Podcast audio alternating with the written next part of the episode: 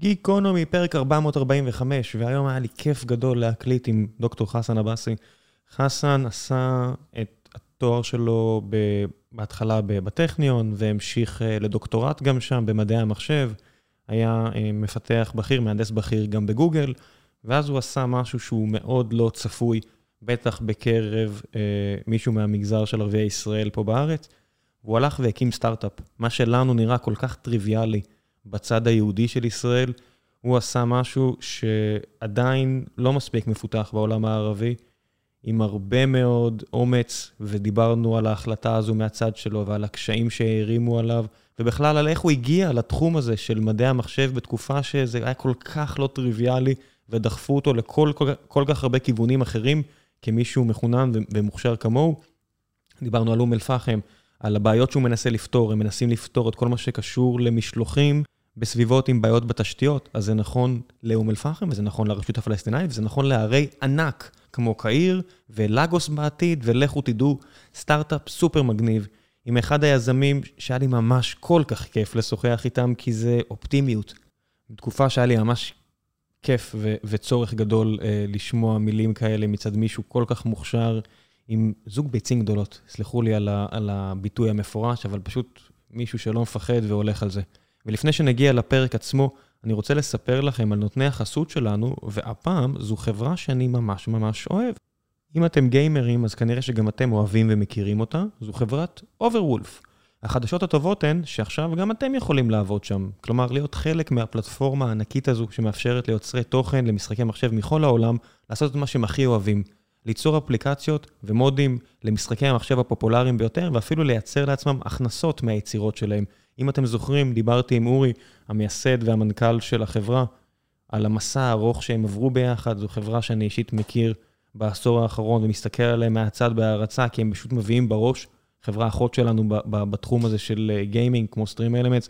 אז אם אתם גיימרים, אם אתם רוצים מקום שאוהב גיימרים ונותן מקום לגיימרים, וזה אומר להטיס אתכם לכנסים, ומשחקים שם כל הזמן ביחד, אז זה על רגל אחת מה שהם עושים שם, ומה שהם מחפשים כרגע זה מנהל מוצר שישב מתחת ל-VP product, אז זו ההזדמנות שלכם, ושלכן כמובן, להוביל את הפלטפורמה הזו למקומות חדשים, להשפיע על המוצר באופן ישיר, ובכך להשפיע על עשרות אלפי יוצרי תוכן שמגיעים למיליוני גיימרים ברחבי העולם.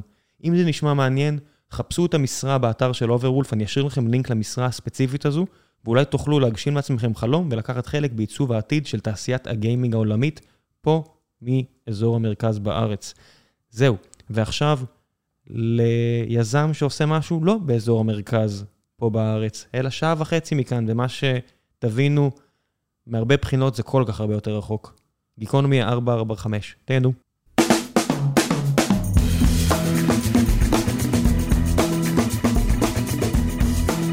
גיקונומי, פרק 445, והבוקר יש לי הזכות לארח את חסן עבאסי, דוקטור חסן עבאסי, צריך להגיד, עבדת לא מעט על, ה, על התואר הזה, אה, במדעי המחשב בטכניון, נכון?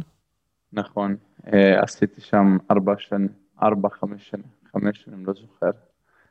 רגע, כן. מה זה חמש שנים? חמש שנים זה אולי, חמש שנים זה הכל היה או רק הדוקטורט? לא, לא, רק הדוקטורט, כן, זה לקח לי עשר שנים הכל ביחד. זה מה שאני זוכר, כן. אז, מגיע, אז מגיע דוקטור, כשמגיע, מגיע. שמעתי עליך המון המון דברים טובים, עשיתי את הפרק ההוא, אה, עשיתי פרק מיוחד עם, אה, על גוגל, ויצא לי לדבר עם הרבה אנשים, והרבה אנשים אה, אמרו שאתה כוכב עולה וצריך לדבר איתך, ומישהו שבאמת ראו לו עתיד מבטיח בגוגל, והנה אני מדבר איתך. מהסלון של, ה, של הבית שלך, כשאתה עובד על סטארט-אפ קטן, מה קרה? אז אה, זה התחיל, אה, אתה יודע, אה, תמיד חלמתי לעשות משהו גדול, בצורה עצמאית. אז היה לי כיף בגוגל, היה אווירה ממש כיפית והכל כיף. אבל החלטתי שהגיע הזמן שאני עושה משהו משלי, וזה יצא. איך הגיבו לזה בסביבה שלך? אז זה בא בשלבים, זה לא בא במכה. אז בהתחלה זה התחיל כ-side project, כאילו משהו שהתחלתי לעבוד עליו אה, לבד בלי שאף אחד ידע על זה. וברגע שאני הייתי בשל להגיד את זה, ברגע שהייתי בשל אה, להגיד שיש לי מוצר ואני רוצה פשוט ללכת עם זה עד הסוף, אז uh, uh, התגובות היו שאני משוגע. פשוט משוגע. Uh, אנשים מסביבי זה היעד שלהם, להגיע לגוגל, ואני פשוט בורח משם. אה, אז אה, כן, לא היה תמיכה, בוא נגיד, מבחינה הזו. אנשים כן תמכו ברעיון, אבל לא תמכו בזה שאני עוזב, מה, מה קרה, ובשביל מה אתה עוזב, ולמה, ומה חסר שם. ואין לי, לי אף תשובה אה, רציונלית שאני יכול להגיד למה אני עוזב. אתה מבין שבאמצע שנות ה-90, אם, לא יודע מה, איזה מישהו בשלב שלך בחיים בתל אביב, או בחיפה, או לא יודע איפה, היה פותח סטארט-אפ, היו מסתכלים עליו באותה צורה. אבל היו הרבה מאוד אקזיטים, והיום אה, האימא היהודייה כבר אומרת, כן, ברור, סטארט-אפ. אם אתה עובד היום בפייסבוק או בגוגל, יש לי כמה חברים שאימא שלהם שואלת אותם, מתי אתה פותח סטארט-אפ? כל מיני כאלה. ואתה אחד מהחבר'ה הראשונים, מהמגזר הערבי בארץ, שהולך על זה, ו... ובלי לשים עליך לחץ, אבל אם אתה הולך להביא שם בראש, אם אתה מביא בראש, אתה יכול להיות כמו האריק ורדי של, של המגזר הערבי. הרבה מאוד ילדים קוראים עליך בעיתון, או שומעים אותך מדבר, ואומרים, מה, רגע, אם הוא יכול, גם אני יכול. יש פה כן. משקל מאוד גדול חברתית לדבר כזה. אה, חד, חד משמעי, מה שאתה אומר זה מאוד נכון, זה אפילו, אפילו מעכשיו אתה מתחיל להרגיש את זה. אה, ואני בעצמי מרגיש יש לי פה מסר מאוד מאוד חשוב שאני צריך להעביר, ומחסום פסיכולוגי אה, שאני צריך לשבור. אז נכון מאוד, אנשים, כמו שאתה אומר, אנחנו בדיוק כמו שנות ה-90. כאילו, מישהו עכשיו מקים אה, סטארט-אפ או מיזם, מסתכלים עליו כיצור זר. ובמיוחד שאתה, יש כל ה... כאילו, הערבים במגזר לאחרונה התחילו להשתלב ממש טוב בהייטק. ואז אנחנו עדיין בהתלהבות שאנחנו עובדים בחברות גדולות, ואנחנו עובדים בגוגל, במייקרוסופט וכולי, וכן, אה, עוד, עוד אנחנו לא מוכנים לזה, ואני שמח שאני עושה את זה, אני, אני כן רוצה לשבור את זה, ורוצה להיות דוגמה לאחרים, פשוט להגיע לזה, גם אם אני לא אגיע, או אני אגיע, זה לא משנה. כל צעד שאתה אני... עושה עוזר כן. לאנשים אחרים. זה, זה לא יאמן כמה חזק היכולת של אנשים להשפיע גם אם הם לא מבינים את זה. יצא לי uh, לראיין, לא, לא גיקונומי, לעבודה, מישהו מרמאללה. והם עכשיו עברו למזרח ירושלים, וסיימנו את הרעיון, והכל בסדר, והתחלתי לשאול אותו קצת שאלות, כי אני סקרן, אתה יודע, זה, זה קרוב, אבל לא יוצא לי להיפגש, אני, אני אומר את האמת, כן. לא, לא יוצא לי, אז התחלתי לשאול שאלות, איך, כמה, למה, איך מסתכלים, איך מגיבים, כמה אנשים, יש לך קהילות, אתה יודע, ועד כמה אתה, למשל, מחובר למה שקורה בירדן וברשות ובאיחוד האמירויות מבחינת ההתעוררות של סצנת הטק? אה, כמה אני מחובר? כן. כאילו... עד כמה אתה מכיר, עד כמה שעכשיו שזה הולך ועולה וכו'? אה, אז, אז אני, אני מכיר ברשות, ברשות אני, אני כאילו כן מכיר את, ה, את העולם הזה, שם מכיר איך, איך זה עובד. אה, אבל, אבל עדיין, כאילו גם בדובאי, שנחשבת עכשיו למרכז אה, טכנולוגי ומקום מאוד מאוד מפותח, עדיין אין שם באמת אה, הרבה סטארט-אפים במובן של טכנולוגיה עמוקה ושל דברים מאוד מאוד מתקדמים. אז חלק מהחזון גם, שאנחנו גם נגיע לאותם מקומות, אנחנו... עכשיו מתחילים גם מפעילות עם, ה, נגיד, הרשות, אנחנו מפתחים שם גם מרכזים, ורוצים לעשות דברים גם מגניבים, בקשר למה שאנחנו עושים היום. כן, אז בואו רק נדבר. קצת על מה אתם עושים, כי הבעיה שאתם מנסים לפתור, צריך להגיד את האמת, היא הרבה יותר רלוונטית להרבה ערים וכפרים ברשות מאשר, לא יודע מה, לכפר סבא. נכון, נכון. את האמת, לא רק ברשות, בעולם, אבל לא, לא להרצליה ולתל אביב, נכון. כן, אז בואו תספר אז... קצת uh, הבעיה שאתם מנסים לפתור. נכון. אז uh, האמת, אני מעדיף להתחיל מהסיפור יאללה. של הבעיה. אז אני כאילו הייתי סטודנט בטכניון, למדתי כל החיים שלי בחיפה. אז גרתי מגיל 18, מגיל מאוד קטן, גרתי בחיפה, באמצע נסעתי לשוויץ, גרתי בציריך קצת, וחזרתי לחיפה שוב, אז לא באמת נתקעתי בבעיות שאני לא ממש מכיר איך, מה סוג הבעיות שנתקלים בהן במגזר.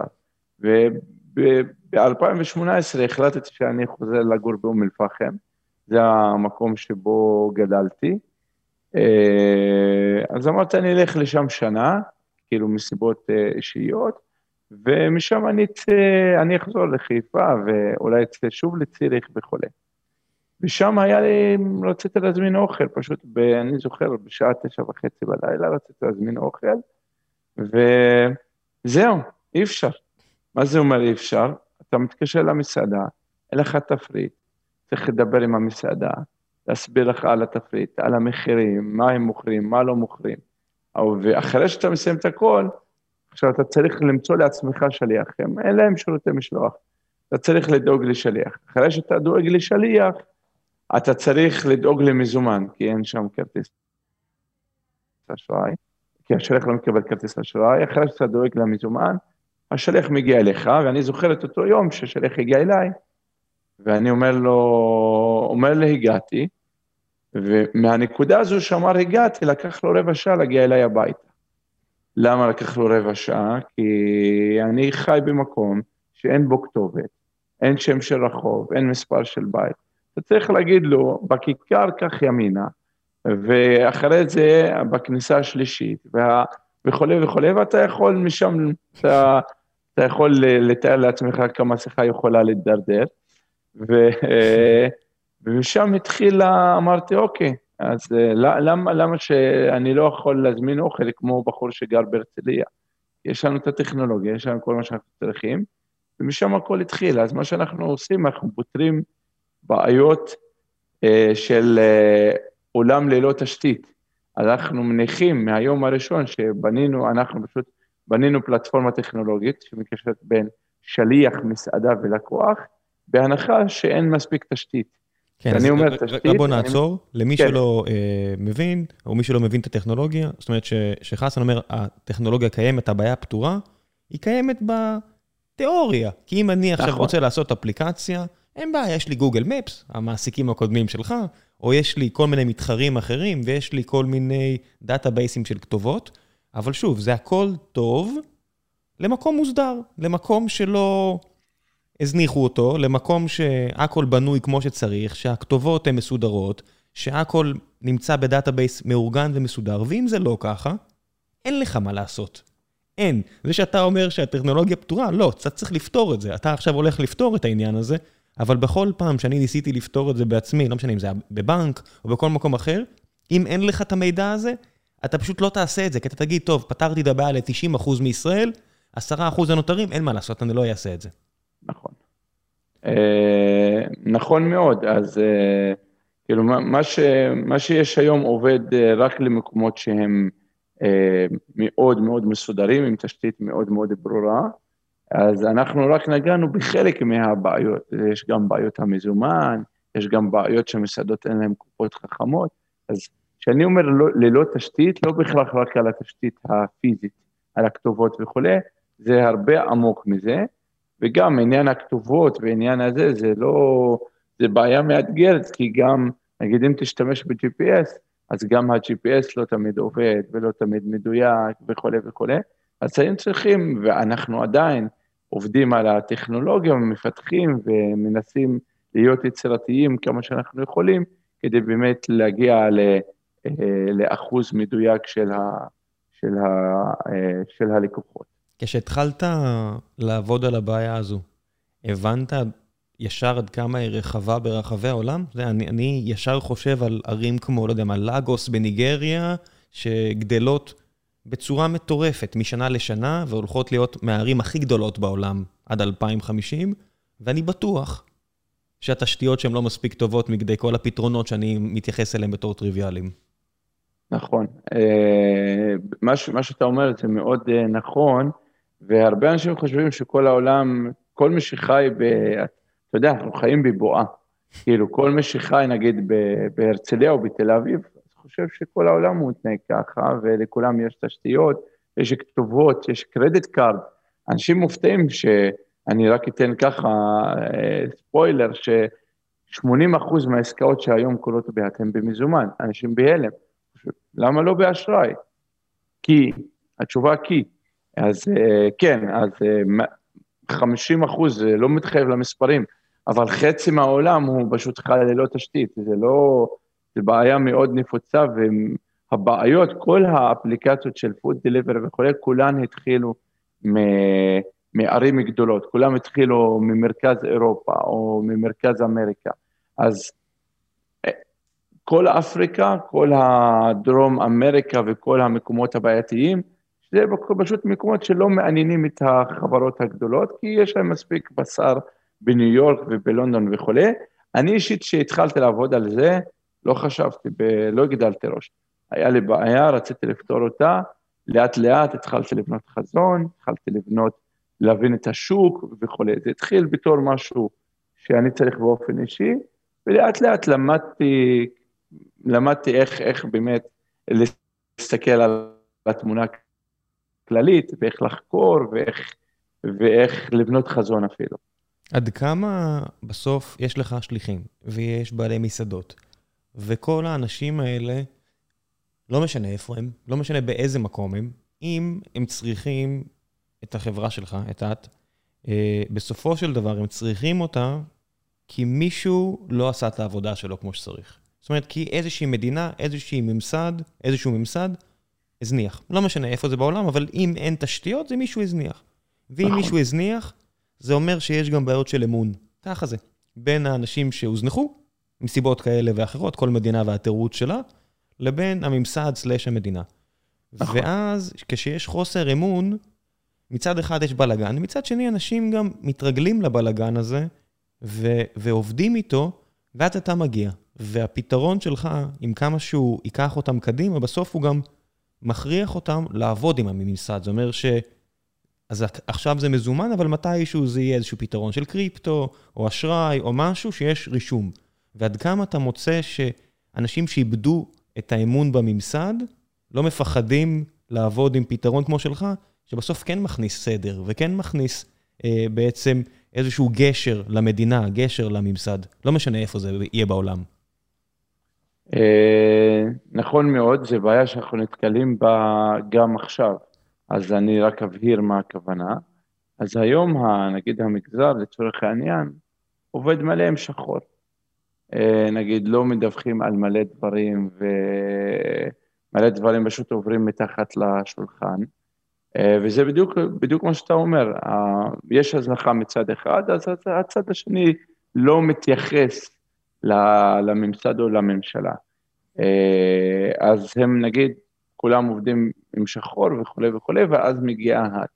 אז האט מביאה פתרון מדהים, אנשים מתלהבים, אבל בעלי המסעדות פשוט מתוסכלים, הם לא רוצים לדווח עכשיו, ופתאום אנחנו מכריחים אותם אה, לדווח על הדברים.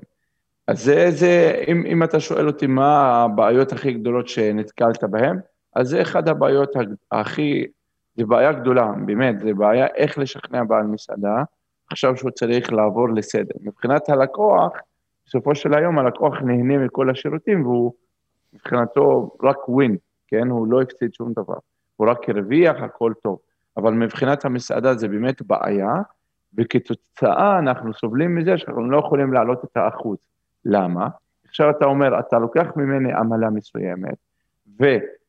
עכשיו, אני לא דיווחתי קודם, עכשיו אני מדווח, תאחד את שניהם ביחד, תגיע ל-50 אחוז, לא יודע, תגיע למספר מטורף. אז אני צריך להנמיך את העמלה ולהתחיל לחפש אלטרנטיבות. אז זה בעייתי, אבל אם אתה עושה מספיק סדר ואתה משדרג את המסעדה בצורה מאוד רצינית, זה ייתן להם, כאילו לקחת את זה עדיין עם כל הקשיים ועם כל ההתנגדות, הם ייקחו את זה.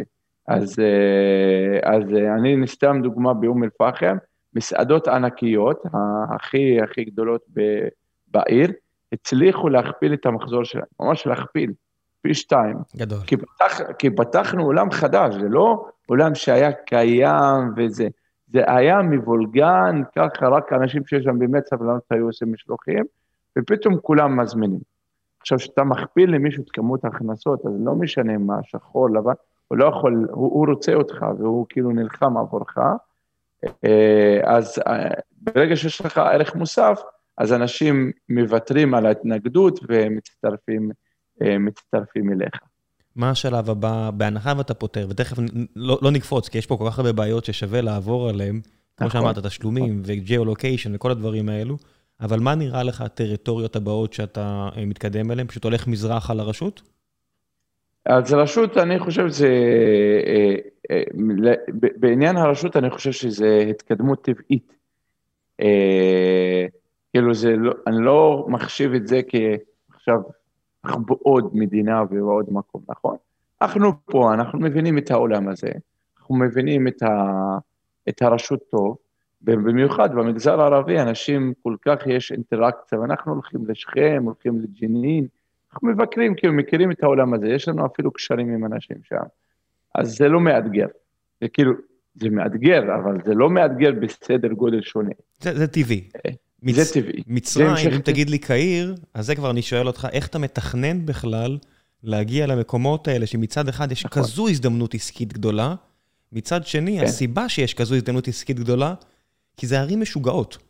זאת אומרת, זה באמת ערים שלא נתפס למי שגר, לא יודע מה, בהרצליה, כמו שאמרת, הוא לא מבין מה זה קהיר.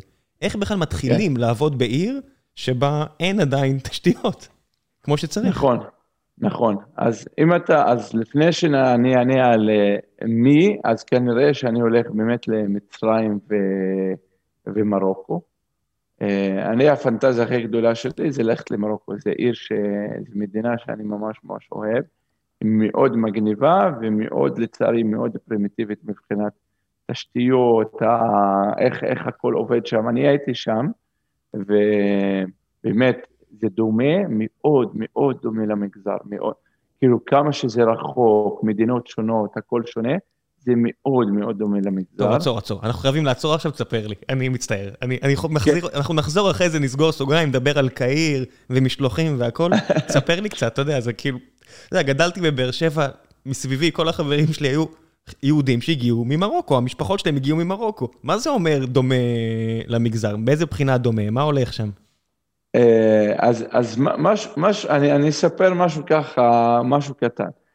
זה מצחיק שאנחנו היום, נגיד, המגזר הערבי גר במדינת ישראל, מנותק מהעולם הערבי כמעט, אין שום קשר. וכשאני מסתכל על הטלוויזיה, אני רואה סדרות בטלוויזיה, וואו, הם דומים, אנחנו חושבים באותה צורה, יש לנו אותה צורת מחשבה, ואנשים מתנהגים בדיוק באותו אופן, יש לנו אותו חום, אותם דברים. עכשיו, נגיד הייתי במרוקו, אז אם אתה מסתכל, אם אתה הולך, באמת, תלך לשכם, תלך למרוקו, שם בשווקים ובכל המקומות ו, והחנויות, אפילו איך הם מסודרים וסוג הדברים שהם מוכרים וזה, אני הרגשתי שאני בשכם. לגמרי, לגמרי, אחד לאחד.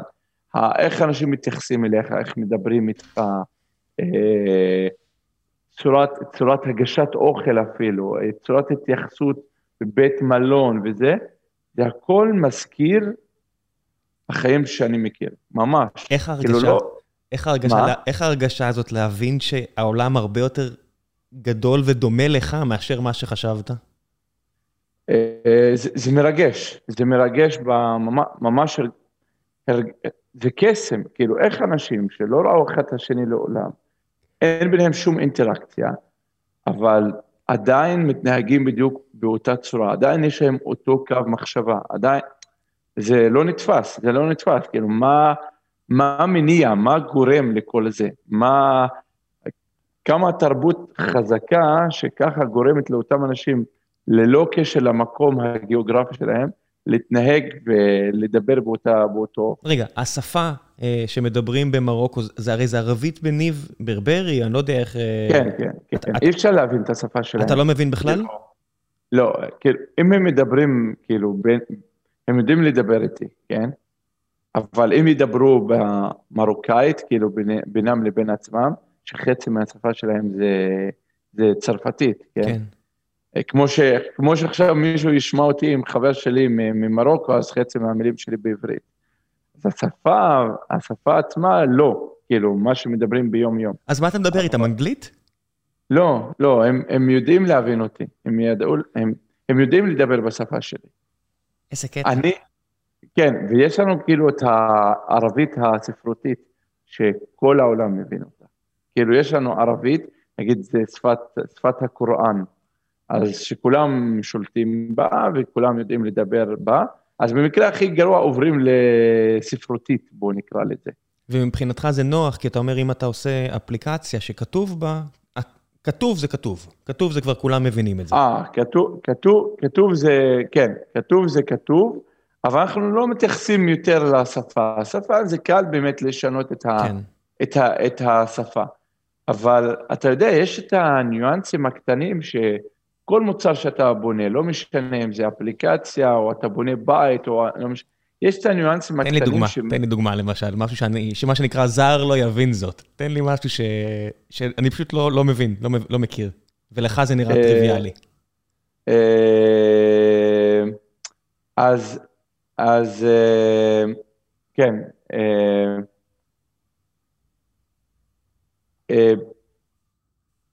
אתה מתכוון, אתה מתכוון מתכוון באפליקציה או ב, לא, ב, משהו, בחיים? משהו בתרבות שקשור לאוכל ולמסעדות ולמשלוחי אוכל, שזה דומה, זאת אומרת שאם אתה תלך, לא יודע מה, לתוניס, למרוקו כן. ולאום אל-פחם, וזה דומה, כן. ואני אסתכל מהצד ואני אגיד, מה הולך פה? כן. מה זה הדבר הזה? שאני לא הייתי כן. מבין את זה אם אני הייתי עושה אפליקציה כזו. לא, תקשיב, אתה, אתה עכשיו, אני לא יודע כמה אתה חשוף לעולם המזרחי. לא מספיק, אתה רואה, אני שואל אותך שאלות אה, של מטומטם, נו מה, אני לא יודע, אני שואל אותך. לא, אני אומר, אתה, אתה שחי, שחי, שחי במדינת ישראל עם מלא ערבים, אז יכול להיות שתתחבר למה שאני אומר, אבל אה, אני, אני זוכר שמישהו בא לבקר, לבקר אצלי, ומחו"ל, והלכנו לאיזושהי מסעדה, ופתאום כאילו, אתה יודע, מלא סלטים, בום, יש לך מלא סלטים על השולחן, והוא חשב שאני עושה את זה במיוחד בשבילו, כאילו, אני עושה עכשיו... אה, שאתה עושה שופוני? שאתה עושה שופוני? זה מה שהוא חשב שאתה עושה? כן, כן, וכאילו חשב שאני מפנק אותו עכשיו, כאילו פינוק, ש... פינוק של מלכים. והוא לא יודע שזה כאילו, ה... ה... פשוט לשים את כל כמות הסלטים ולשים...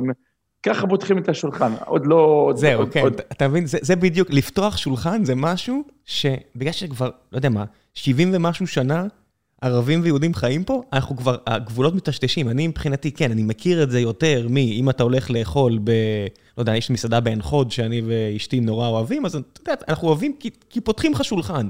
אבל גם יהודים כן. גנבו את זה כבר, אתה יודע, זה כאילו נכון. כבר נהיה אוכל ישראלי, אז פותחים לך שולחן, אבל אתה צודק, זה לגמרי משהו שאני יכול להבין, אבל רק בגלל שאני חי ליד ערבים. נכון, אה, אה, נכון. ו, ועוד משהו שנגיד, אה, אז, אז יש בעניין האפליקציה עצמה ויש בעניין של הגישה למסעדות או לאנשים. אז איך, איך אז... פותרים את העניין הזה של לפתוח שולחן? אני מזמין אפליקציה, אתה הרי לא תביא לי עכשיו, או שכן, אתה אתה תביא לי עכשיו 20 קופסאות קטנות של דברים טעימים? Uh, כן, אנשים, נגיד עכשיו באום אל-פחם, שאתה מזמין משהו, אז uh, כן, זה מגיע עם, uh, זה מגיע עם מלא מלא קופסאות קטנות. וכן, זה, נגיד האוכל המלא, אני הייתי מנסח את זה במלא אוכל.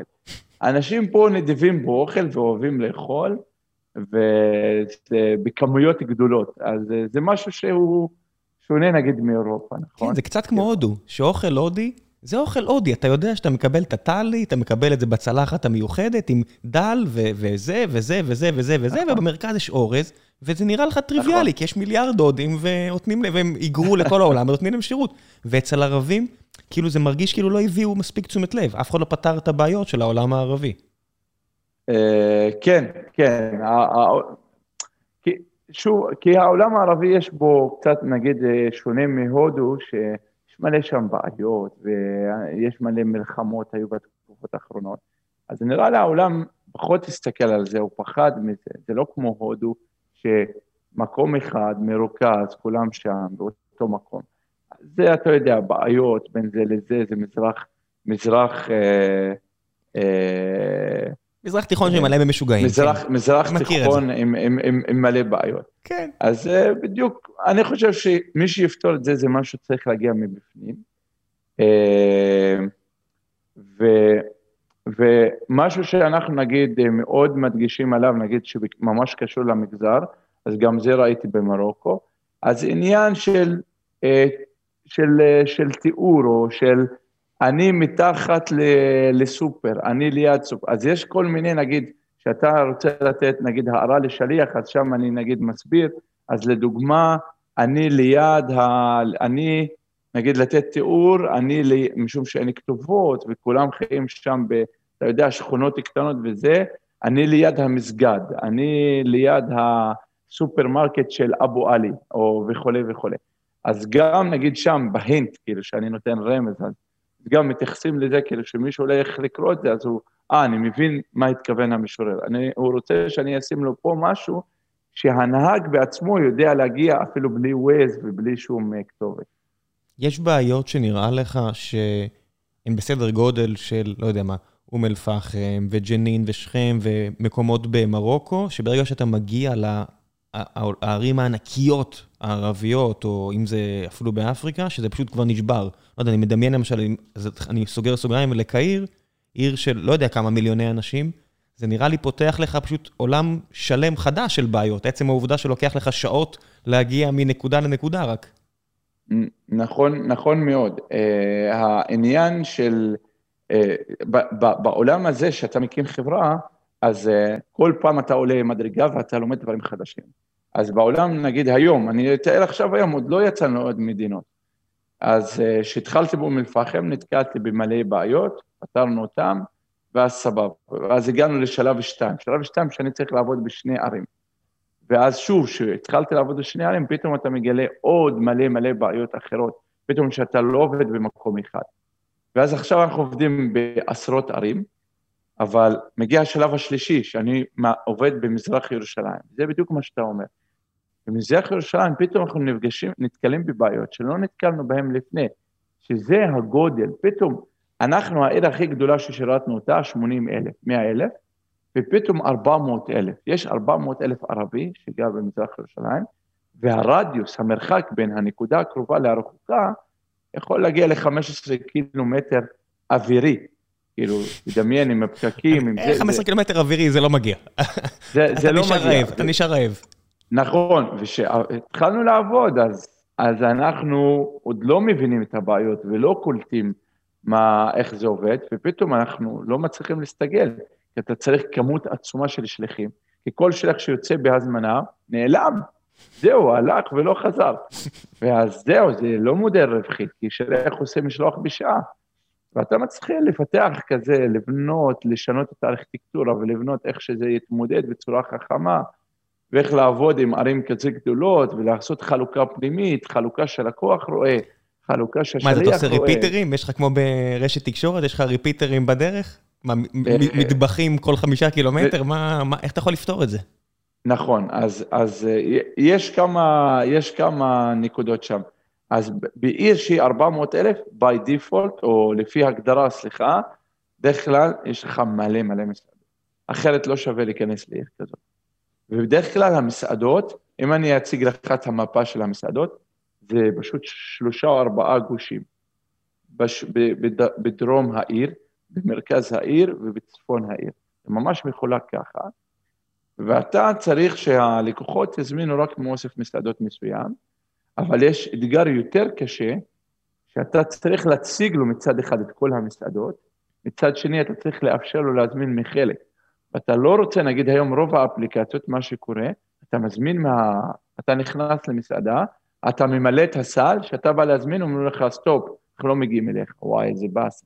אני שעה ממלא את הסל, ועכשיו אתה אומר לי שלא, אז אנחנו גם את זה יודעים לפתור. אז למדנו פשוט בחצי השנה האחרונה שנכנסנו למזרח ירושלים, אז למדנו, למדנו הרבה דברים, ואני אומר שניכנס אה, לקהיר, אה, אז כן, זה, זה אתגרים אחרים, ואסור לקפוץ מ...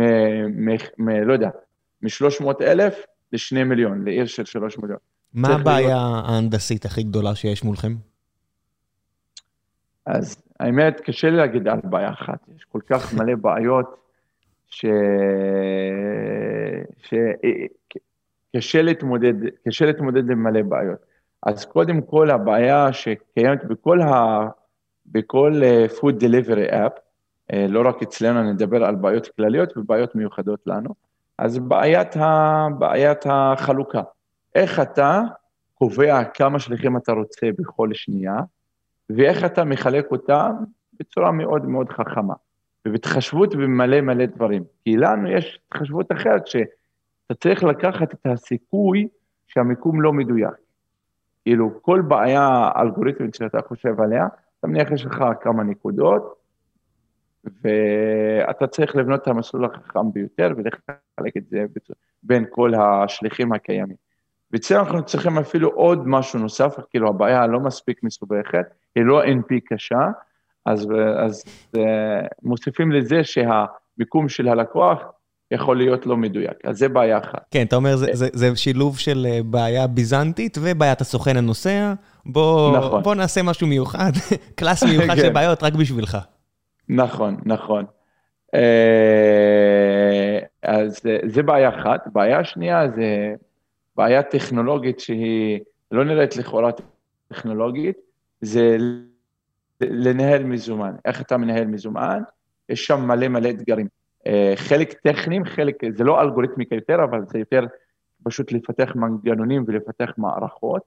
זה גם לוקח מאיתנו מלא מלא, אה, מלא זמן ופיתוח. אה, איך לנהל את המזומן, איפה הוא יושב בכל שנייה, וכאילו הוא עובר מיד ליד, כל הזמן המזומן עובר מיד ליד.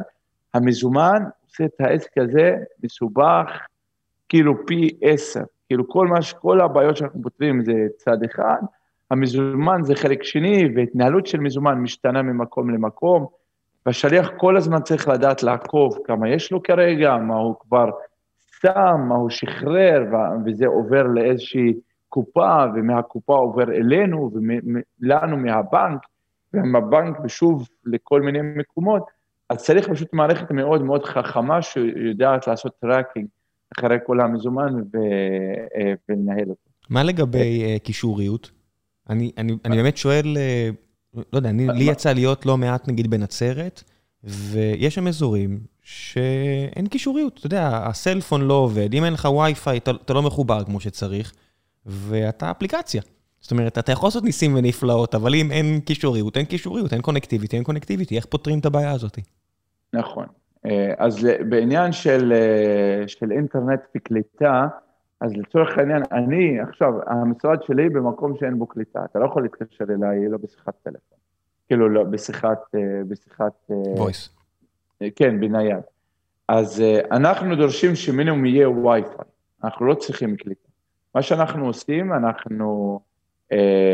אתה צריך להזמין דרך הווי-פיי כמובן, או אם, אם יש לך אינטרנט בבית, אבל אם אין קליטה, אז uh, אנחנו, המפה, ש... יש מקסימום שאנחנו יכולים לעשות, אבל המפה טוענים באופליין, אז יש לך את המפה בתוך האפליקציה, ומחשבים את המסלול ברגע שיש לך, ברגע שיש לך אינטרנט, ומצליחים להתמודד עם זה. מצליחים להתמודד כי ה...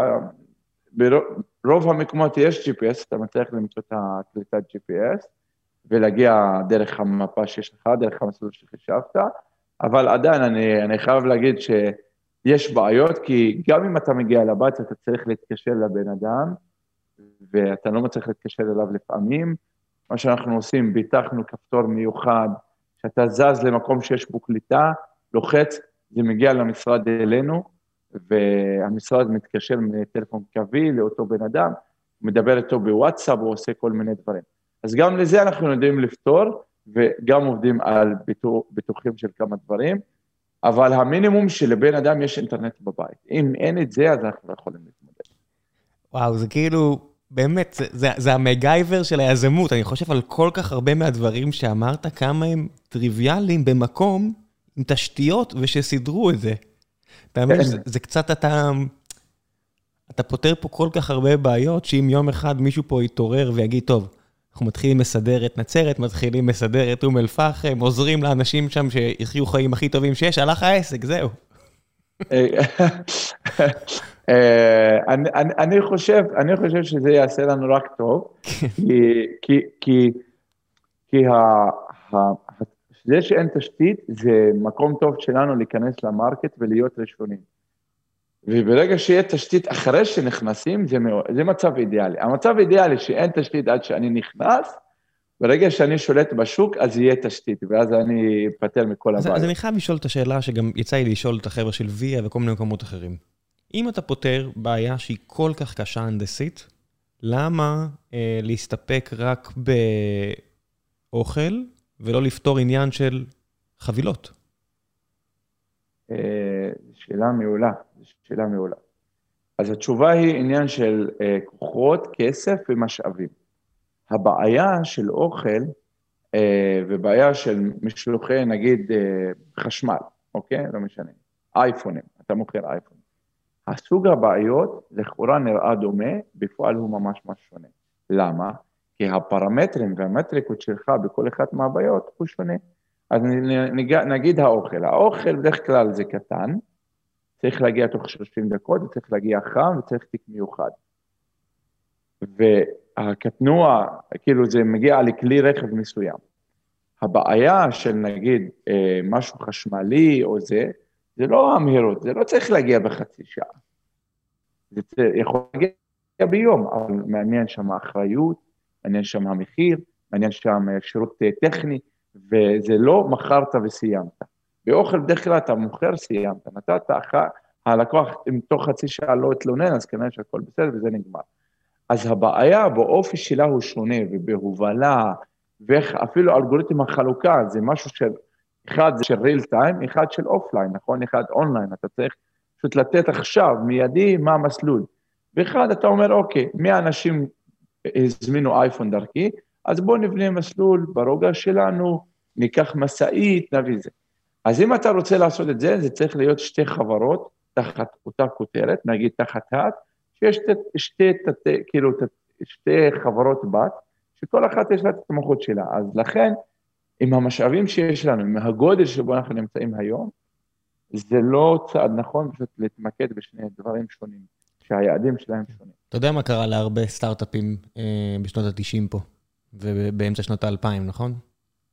זה, זה הקטע, הדברים של יזמות זה, זה, זה שלבים.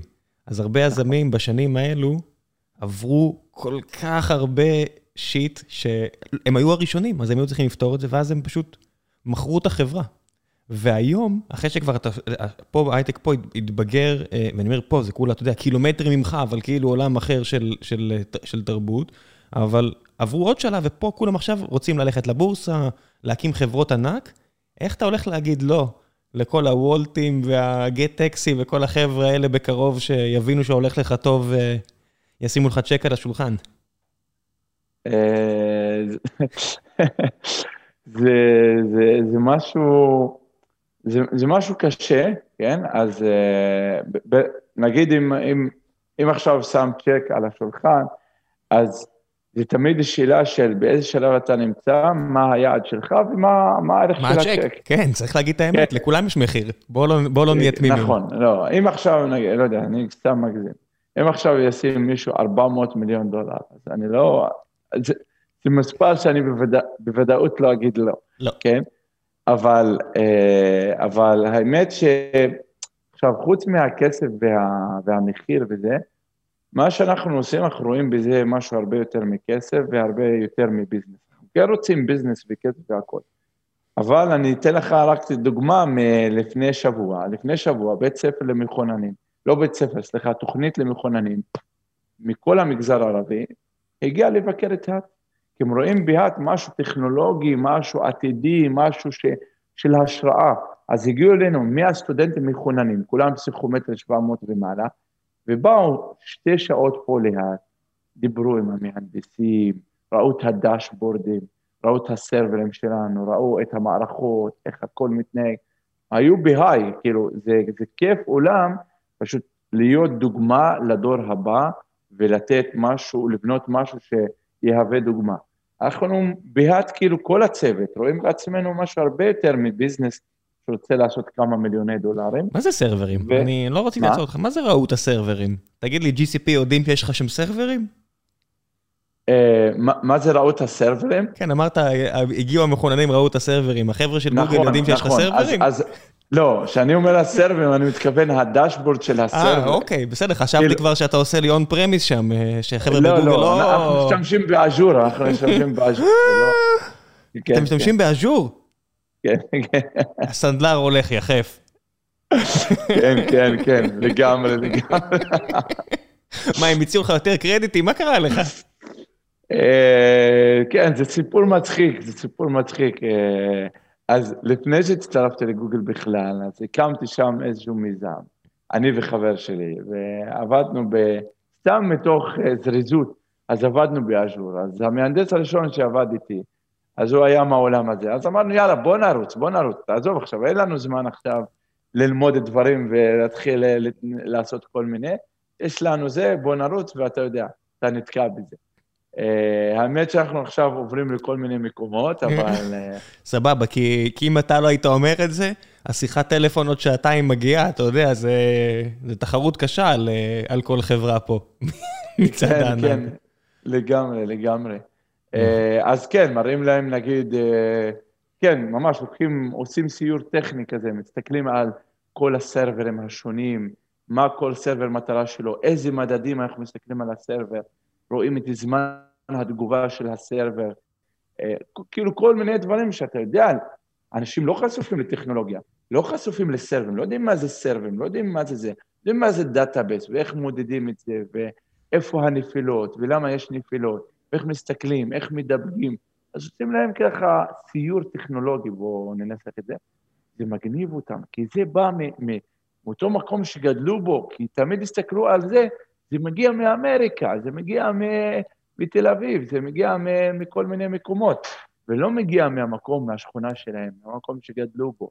מאנשים שהם מכירים. אתה אומר תל אביב, אמריקה, זה שעה וחצי מאום אל-פחם, ואתה אומר את זה כאילו זה עשרת אלפים קילומטר בוואלי או בניו יורק. עולם אחר.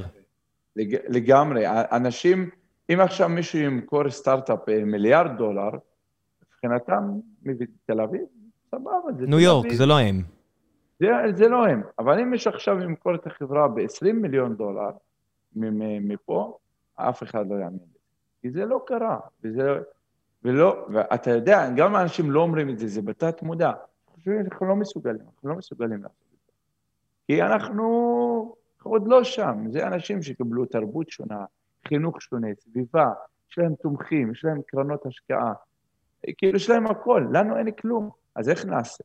אז זה בדיוק, אני אומר, מעבר לכסף, מעבר לצ'ק שנשים על השולחן, שישימו על השולחן, יש פה מסר, יש פה מחסום שאני צריך לשבור. כן, זה אני קרה... אני או אחרים, כאילו, ש... כן, בשנות ה-90 זה באמת אמרו, אתה יודע, רק אה, חבר'ה שגדלו בתל אביב ויצאו מ... מהיחידות הטכנולוגיות של הצבא, ואז חבר'ה בפריפריה כן. היהודית אה, התחילו להאמין בעצמם, כי ראו שיש כל מיני אה, סטארט-אפים שיצאו מבאר שבע, וסטארט-אפים שיצאו מכל מיני מקומות אחרים. ובסדר, לא משנה איפה הם נפתחו, אבל היזמים הגיעו משם, ועכשיו אתה אולי הולך לעשות את זה עם, עם יותר ויותר. אתה יודע, אנחנו שומעים הרבה על, על אה, סטארט-אפ, אה, לא יזמים, טכנולוגים ערבים שעובדים אפילו בתפקידים מאוד מאוד בכירים, ישראלים, אפל. ואינטל, נכון, ו-IBM, נכון. וכל המקומות האלה, באמת יש מספר 4 באפל, מישהו מנצרת. בסדר? זה לא כן, שאין. ג'וני. ג'וני סרוג'י. כן, ג'וני סרוג'י. אז זה לא שלא היה, אבל יזמות זה משהו אחר. היכולת לקחת סיכונים, הרבה פעמים זה מקום פריבילגי. זאת אומרת, הרבה נכון. פעמים בכל העולם, מי שלוקח סיכונים זה מי שיכול להרשות לעצמו לקחת סיכונים בהרבה מאוד מקרים. עד שרואים שהשד לא כזה נורא ומישהו מעבר לכביש עשה את זה. נכון. אה, לגמרי נכון. מה שאתה אומר לגבי, נגיד שהיום אנחנו רגילים לאנשים בהייטק, 15 שנה לפני זה, 20 שנה, זה לא היה. גם זה עכשיו בשנות 2000, בשנות, אה, ב-2000, 2005. שם, אני החלטתי ללמוד מדעי מחשב, אף אחד לא יודע מה זה. ואני הייתי היחיד מכל הבית ספר שלי, כאילו, בשכבה שלי, שנכנס לטכנון. איך הגעת לזה? רגע, איך הגעת לזה? גיל 18, אתה מסיים, 17 וחצי, אתה מסיים תיכון, איך אתה מגיע ל- ללמוד אה, מדעי המחשב בטכניון, אם אין לך ממי שיביא לך השראה? מאיפה הגעת לזה? וואו, אתה רוצה באמת לשמוע? זה כן. סיפור ארוך. ספר, זה הפורמט. אה, כן, כן, וואו, זה סיפור, יש שם סיפור מגניב, אם יש לנו זמן. ספר. אז כן, אז אה, האמת, אני רציתי ללמוד רפואה. מאיפה לי ולמדעי מחשב? אני גדלתי מכיתה, מגיל מאוד מאוד צעיר, ראו שאני ילד מחונן, ו... ואבא החליט שאני לא הולך להיות רופא. גם אני התאהבתי ברעיון, אני אמרתי, אני אהיה רופא. אני, אני, אני, הפעם הראשונה שאני זוכר את זה, מכיתה ד'. אבא שלי הגיע לבית ספר, אמרו לו, תקשיב, לך ילד ממש טוב, הוא אוהב ללמוד. עשינו עסקה, אני ואבא, אמר, תקשיב, אתה תהיה רופא, אתה תביא גאווה למשפחה. ואמרנו, יאללה, סגרנו, לחצנו יד ביד וסגרנו דיל. ואני נשארתי עם החלום הזה, תמיד כזה רציתי להיות רופא, תמיד חלמתי על להיות רופא. ובכיתה י' אה, אה, הבנתי שאבא שלי אמר רפואה, אני הבנתי מתמטיקה. כאילו, זה פשוט השתמשנו במונחים שונים. מה, מה, מה? הוא היה אומר רפואה. מה? מה? כן. הוא היה אומר רפואה, אני מדמיין, אני תמיד התאהבתי, הייתי מתמטיקאי, תמיד התאהבתי במתמטיקה. אה, הוא אומר, כאילו הוא אומר דוקטור, ואתה חושב דוקטור אה, למתמטיקה, והוא חושב דוקטור לרפואה? מה זה? שוב, כאילו, הוא אומר רופא, אני אומר, אה, רופא, עכשיו אני אלמד מתמטיקה יותר טוב, ואני אהיה רופא יותר טוב. אתה יודע, ילד, בכיתה י' הבנתי ש... שאני אוהב מתמטיקה, מה יהיה לי ולרפואה? ואז אה, למדתי ככה בתיכון, הייתי בבית ספר, שזה היה מחזור ראשון, עוד לא היה להם התמחויות. זה באמת עניין של צירוף מקרים. ולמדנו כל הנושאים, למדנו מחשבים, למדנו פיזיקה, למדנו ביולוגיה, למדנו כימיה, למדנו הכל. ואז היה לי שני אירועים מאוד קשים. האירוע הראשון, שבכל הציונים קיבלתי מאות, ממש מאה, ממש מאות, חוץ מביולוגיה קיבלתי 70. כאילו, לא, לא, המוח שלי לא, לא מסוגל פשוט, פשוט להכיל את החומר הזה. גם אני, אני לא, לא מצליח לזכור כלום. לא, לא מצליח, זה פשוט לא מעניין אותי. ובמקביל, במתמטיקה ובמחשבים, אני פשוט, המורים לקחו אותי בצד והתחילו לתת לי שיעורים פרטיים. כאילו, מורה המחשבים אמר לי, חסן, תקשיב, אני חייב ללמד אותך מעבר. כאילו, אתה, כאילו, הוא זה ששינה לי את המסלול החיים שלי, המורה של מחשבים. הוא למד מדעי מחשב בטכניון לפני מלא מלא זמן, ולא מצא עבודה. כי אתה יודע, זה, הוא בן, בן 60. אז בזמנו, כאילו, לא צריך למצוא עבודה וזה, והוא באמת היה ה-Godfather בשבילי. אמר לי, תקשיב, חסן, אתה, זה, זה המקום שאתה צריך ללכת אליו. והוא הסביר לי מה זה מדעי המחשב. בן אדם אחד, הוא שינה לי את כל החיים שלי. הסביר לי מה זה מדעי מחשב, זה, מה לומדים שם, שזה מלא מתמטיקה, זה מתמטיקה מודרנית, ומלא חשיבה לוגית וזה. אמרתי, וואו, כאילו, זה נפל לי מהשמיים, זה, כל החיים שלי רציתי ללמוד את זה. לא ידעתי להגיד שזה מדעי מחשב, לא, זה מה שחיפשתי. ואז אני לא אעריך, אבל אז חזרתי הביתה ואמרתי להורים שלי, וואו, אני יודע מה אני רוצה ללמוד, אני רוצה להיות מהנדס, מהנדסת חשמל, מדעי מחשב. ההורים שלי היו בשוק, תודה לי. אבא שלי אמר, מה, אתה רוצה, אני השקעתי בך, אתה הולך עכשיו, אה, עכשיו אה, לתקן לי את המנורה בבית? חשמלאי. חש... חשמלאי. ואימא שלי לא התאפקה, אמרה לי, חסן, תדע, אתה אכזבה גדולה. לכל המשפחה. אתה בא אליהם, ילד מחונן, הולך ללמוד הנדסת חשמל בטכניון, פחות או יותר התואר הכי קשה שיש. חבל שלא אמרת להם, גם אני אעשה גם פיזיקה על הדרך. כן, כן. אוקיי, למי שלא יודע, למי שלא מכיר, אה, הנדסת חשמל אין שום קשר לחשמלאי. אני בתור בן אדם שסיים תואר דומה, בוא נגיד, יש לי שתי ידיים שמאליות, אני לא, אני, במזל אני מחליף אה, נורא. אנחנו יודעים לעשות את מערת פוריה, אנחנו יודעים לעשות מתמטיקה, כן. אנחנו לא חשמלאים. יש לנו ידיים שמאליות לרוב, זה לא זה. יש כמה מהנדסי כן. חשמל שאני מכיר שגם אשכרה יודעים משהו לעשות, זה לא אני. אני, אני מניח שזה גם לא אתה. אני ממש לא שם, אני ממש לא שם. וואו, איזה שבר. איך אתה מסביר להם שזה לא מה שהם חושבים שזה? מלחמה, התחילה מלחמה אזרחית. ההורים שלי ממש היה להם מאוד מאוד קשה. אתה יודע איך זה במגזר, זה לא רק ההורים, זה השכנים גם, המשפחה, הדודים, כאילו כולם מתערבים, כולם, אה, כולם יש להם חלק בהחלטה שלך. אז uh, כולם התחילו לדבר איתי, ממש, התחיל מאבא, אימא, מורים, אה, דודים, שכנים, שכנים אמרו, אבל שמענו שאתה ילד טוב, מה, כאילו, מה קרה? איך התקלקלת עם השנים? כאילו, חשבנו שאתה, חשבנו שאתה ילד חכם, חשבנו שאתה ילד חכם. כאילו, חשבו שכאילו עכשיו זהו, אני הולך לצאת בלי תואר. וזה לא היה קל, זה לא היה קל. אה, אני חושב שזה הכין אותי לסטארט-אפים, למה? איזה סטארט-אפים? בין לבין יש לך תואר ראשון בהנדסת חשמל בטכניון. לא, אני אגיד לך איזה אופי זה בנה לי. עכשיו, למה הכין אותי לסטארט-אפים? מבחינה נפשית, לא מבחינה טכנית. כי אז, אז לא, לא, לא, אני אומר, רק מבחינת הקשיים, תבין שיהודי בא ללמוד בטכניון, הקושי שלו זה ללמוד אינפי בסמסטר א', זה לא ללמוד שאמרו לו, אתה מאכזב אותי שאתה הולך לעשות את זה, אתה מדבר איתי, כן. האמת, אתה מדבר, זה סדרי גודל יותר מהקשיים נכון. שאני חוויתי, לא יודע.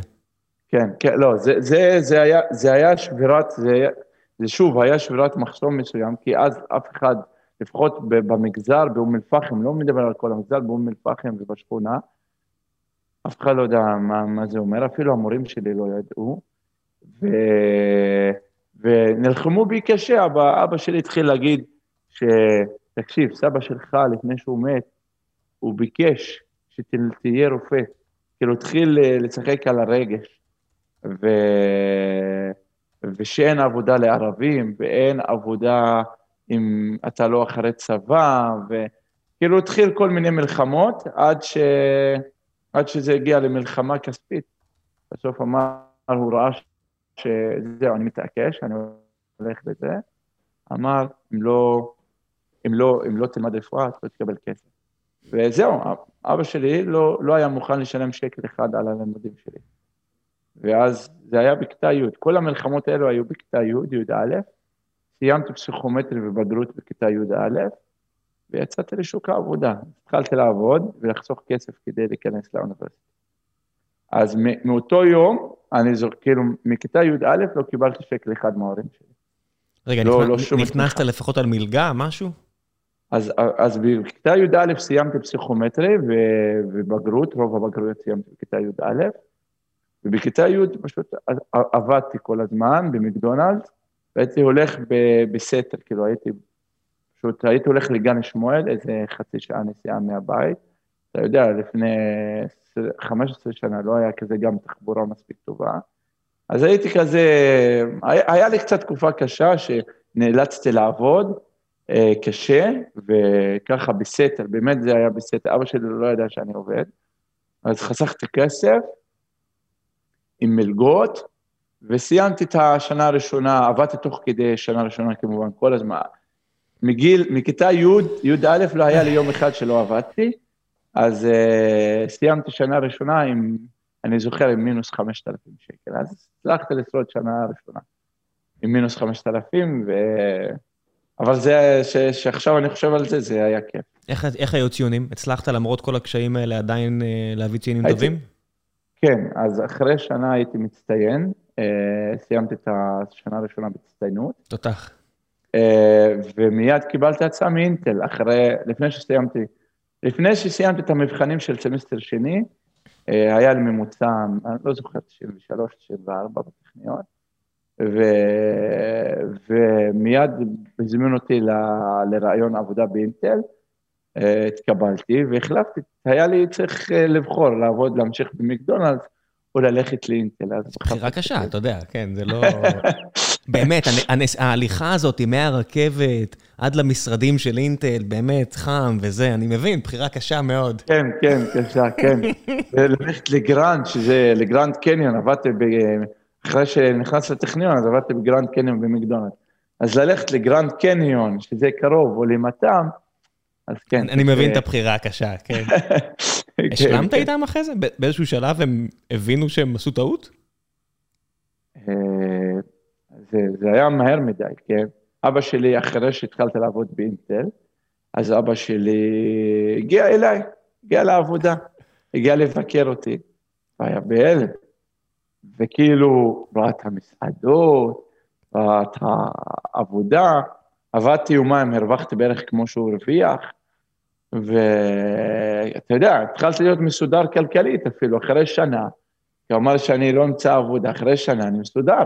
זהו, אני עובד, אני משלם על עצמי, אני, אני עצמאי לכל דבר בעניין, יש לי אחלה תנאי עבודה, ופתאום התחיל להבין שוואו, אני כאילו כנראה לא הבנתי מה הוא עושה, וכן, מהר מאוד הוא זה, והמודעות של הייטק גדלה בשנים האחרונות. תבין איך בטח באותו רגע, הוא חוזר הביתה ואיזה דוד שלך אומר לבן שלו, מה זה רפואה? למה אתה לא הולך להיות כמו חסן? מה אני יש לך? מה אתה מטומטם? לגמרי, לגמרי. וזהו, אחרי, כאילו, אחרי קצת זמן, אני מתחיל להיות דוגמה לכל הצעירים, וכולם עכשיו מתחילים, כל האנשים מתחילים להתקשר לאבא.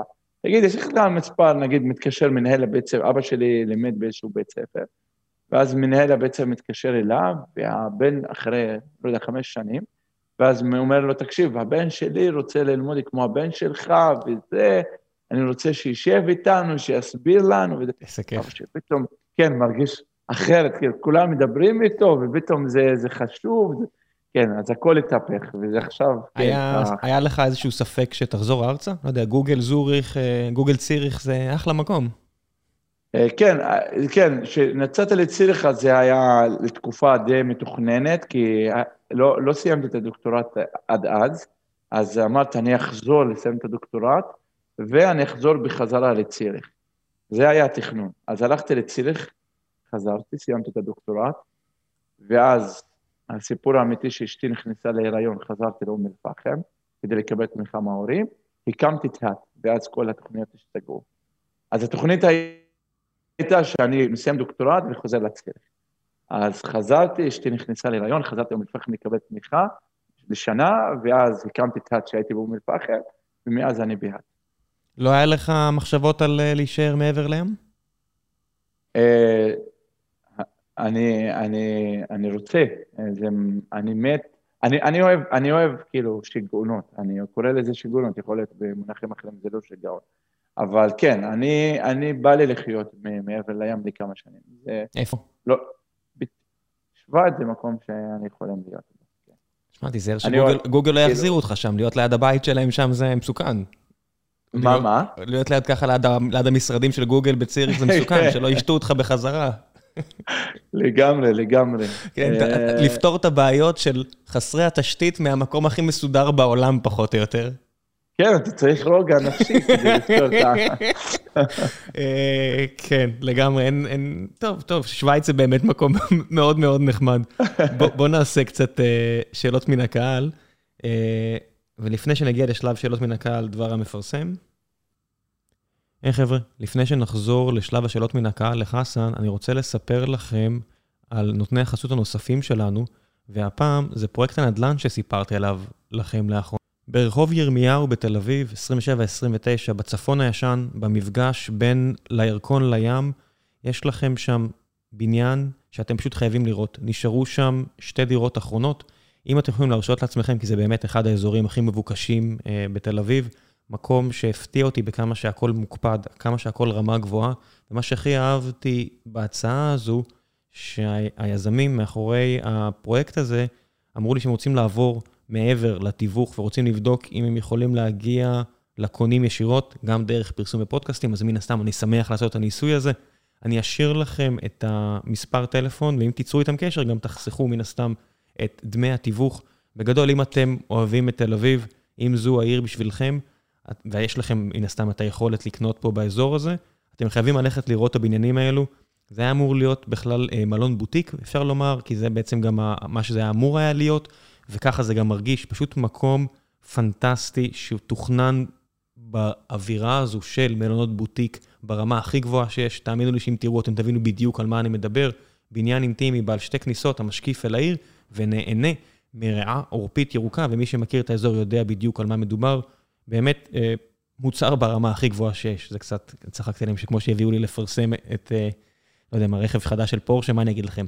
לא רע, לא טוב, ברור שטוב. אה, אז המלצה חמה ממני, לכו לראות אם זה משהו שאתם יכולים ומעניין אתכם. ועכשיו, בחזרה לפרק הזה עם חסן, תהנו. זהו, חזרנו. יש פה כל מיני שאלות שקשורות בעיקר לחברה הערבית ולכל מיני כאלו, שואלים אה, למשל, עקיבא בלוך שואל, איך אפשר לעזור אה, עם שילוב ערבים בהייטק? אז אני חושב שכדי לשלב איזושהי אוכלוסייה בעולם לאיזשהו מקום מיוחד, לאיזשהו מקום אחר בעולם, צריך להבין אותה ולהבין מה עובר על אותו, אותם אנשים. אה, אני היום, יש לי עשרה מהנדסים, אה, הם מאוד מאוד מוכשרים. ואני, אני, כאילו, אני מאפשר לעצמי להגיד על מישהו מוכשר או לא מוכשר, פשוט כי עבדתי במלא חברות, ראיינתי אנשים ואני יודע מה הסטנדרטים. אז אני מרשה לעצמי להגיד, בן אדם מוכשר או לא מוכשר. אנשים מאוד מאוד מוכשרים שיכולים להיות במקומות הכי טובים בהייטק הישראלי. אה, אני, אני אגיד לך משפט שאף אחד מהם לא הצליח להתקבל לשום מקום עבודה. ולמה זה? מכמה, מכמה סיבות. אז יש עניין של השוואה. אתה לא יכול להשוות מישהו, בוא נעזוב את הטכניונים שנייה לצד, אבל מישהו שלמד במכללה או במקום טוב, מכללה טובה, אבל הוא לא חי את, ה, את העולם המקצועי. אז הוא לא יודע ממש לבוא מוכן לראיון עבודה. הוא לא יודע לענות כמו הבחור שמגיע מהמגזר היהודי ולענות פרפקט ולנסח את התשובה שלו כמו שצריך ולהגיע עם ביטחון עצמו, לשאול שאלות ולהגיד, אנשים מפחדים להגיד שלא הבנתי את השאלה בכלל.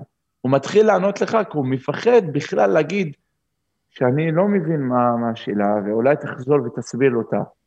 אז כדי לעשות את זה, וכדי לשלב אותם, אתה צריך לתת להם, להסתכל עליהם בצורה מעמיקה יותר, לתת אולי כמה מפגשים, ולא רעיון עבודה. אני לא, לא אומר בוא נקל ברעיונות, או בוא נעשה תנאים פחות. בוא ניתן להם כמה, אבל בוא נעשה את התהליך שונה.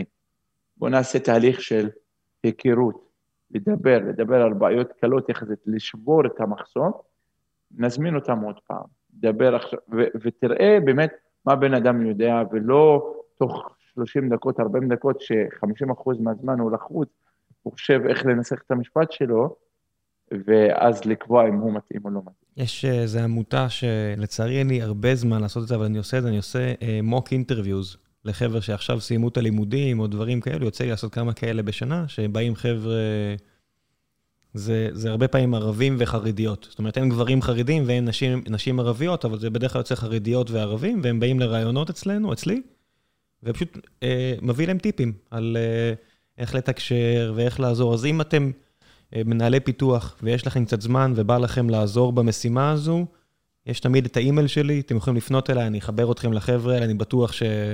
כל מי שיכול לעזור, הם ישמחו לעוד אנשים. זה לא לוקח הרבה זמן, ברור לי שכולם עסוקים, ובאמת כל אחד רואה רק את העולם שלו, אבל אם יש לכם את הזמן, אני אעשה את החיבור הזה, זה, זה באמת... אה, אני, לפי, לפי מה שהחבר'ה אמרו לי, זה מאוד עזר להם, אני לא יודע עד כמה, אני מקווה שכן. אה, אז יש גם את האפשרות הזו. בואו נעשה אה, עוד קצת שאלות. תמיר מאירי שואל, איך, אה, שואלים פה עכשיו על כל מה שקשור להייבריד ועל כל מה שקשור הייבריד במובן של לעבוד חלק בבית, חלק מהמשרד, איך אתם עושים את זה, ואיך הוא שואל מעבר, כמעסיקים, איך אפשר לעזור לעובדים ערבים מעבר, אחרי שהם כבר התקבלו גם. אה, אז, אה, אז ככה, לצערי, בתקופת הקורונה ובכל העניין הזה, אז אה, חלק מהחברות כן עובדים כאילו מרחוק. אה, אנחנו כסטארט-אפ שכל הזמן יד על הדופק ומלא לחץ וכל הזמן צריכים להיות וצוות, אז ניסינו להימנע מזה, לשמור נגיד על מרחקים, על מסכות, אבל להיות באותה סביבה. אז פחות, פחות השתלבנו בעולם הזה של אה, לעבוד בצורה היברידית של, אה, של בית ועבודה. בעיניי בסטארט-אפים זה קצת יותר מורכב, אה, במיוחד שזה בתחילת דרכו. אה, הצוות צריך להיות מגובש, עוזרים אחד לשני ולומדים אחד מהשני. אז זה, זה, זה על החלק הראשון של השאלה. והחלק השני היה איך, איך אנחנו עוזרים לאותם אנשים אה, אחרי שהתקבלו לעבודה להשתלב, האם זו השאלה? אני מוודא. אני מניח שכן. כן, אז... אז ה...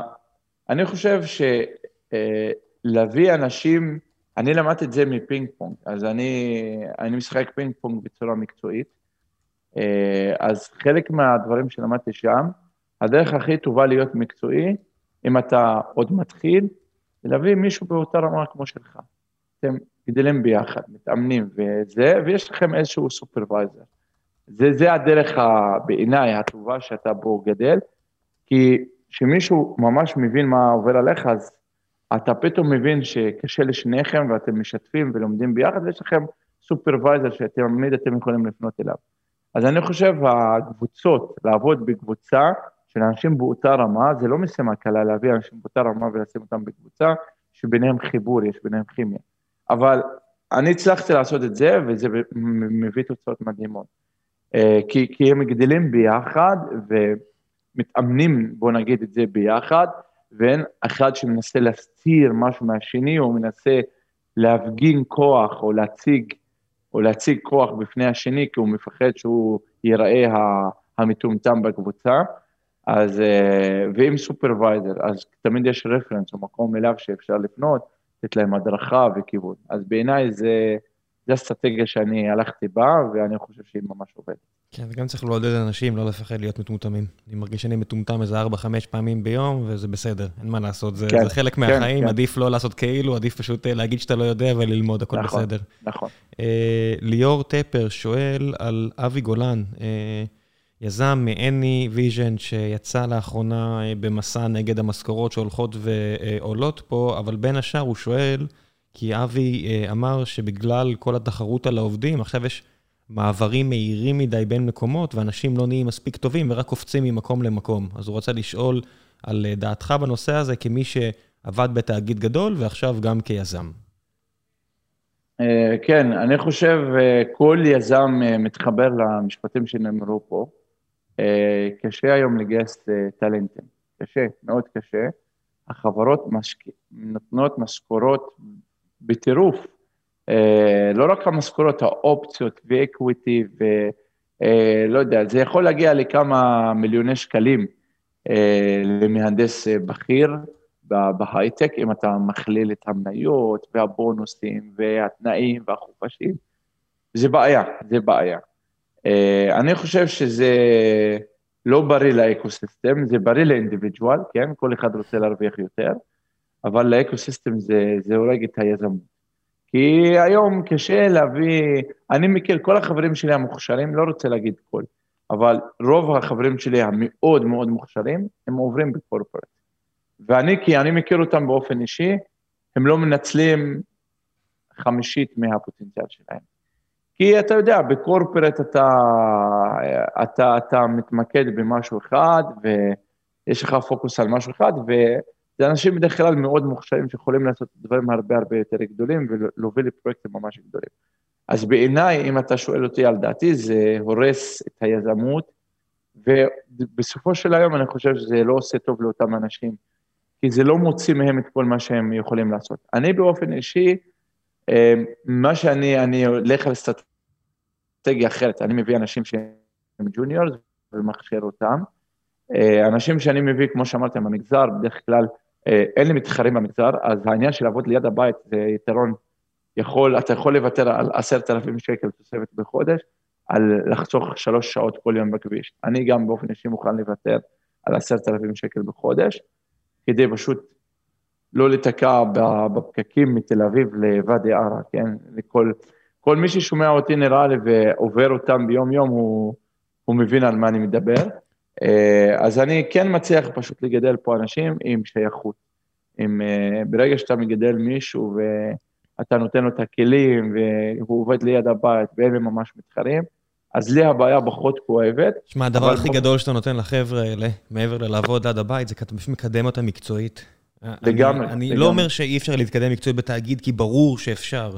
אבל מה שעובד שמגיע לחברה בתחילת הדרך יחווה, והמשקל הסגולי שלו ביחס לעובדים במקומות אחרים, זה לא, אין מה להשוות בכלל. אין מה להשוות. לעשות את הצעד הזה, כן, אולי תקבלו פחות כסף, מאשר לקפוץ איזשהו תאגיד עכשיו, או יש כל מיני תאגידים עכשיו שמחליטים לעשות הכל כדי להביא את העובדים, אבל אתם צריכים להבין שאתם תעבדו עד גיל 70, אז כדאי שתבנו skill set מאוד רחב, ובדרך כלל מקומות כאלה, אם יש לכם CTO, CEO כמו חסן, שיכול לתמוך בכם ו- ולעזור לכם ולתת לכם הרבה אחריות גם, מה שזה מביא זה פשוט לא...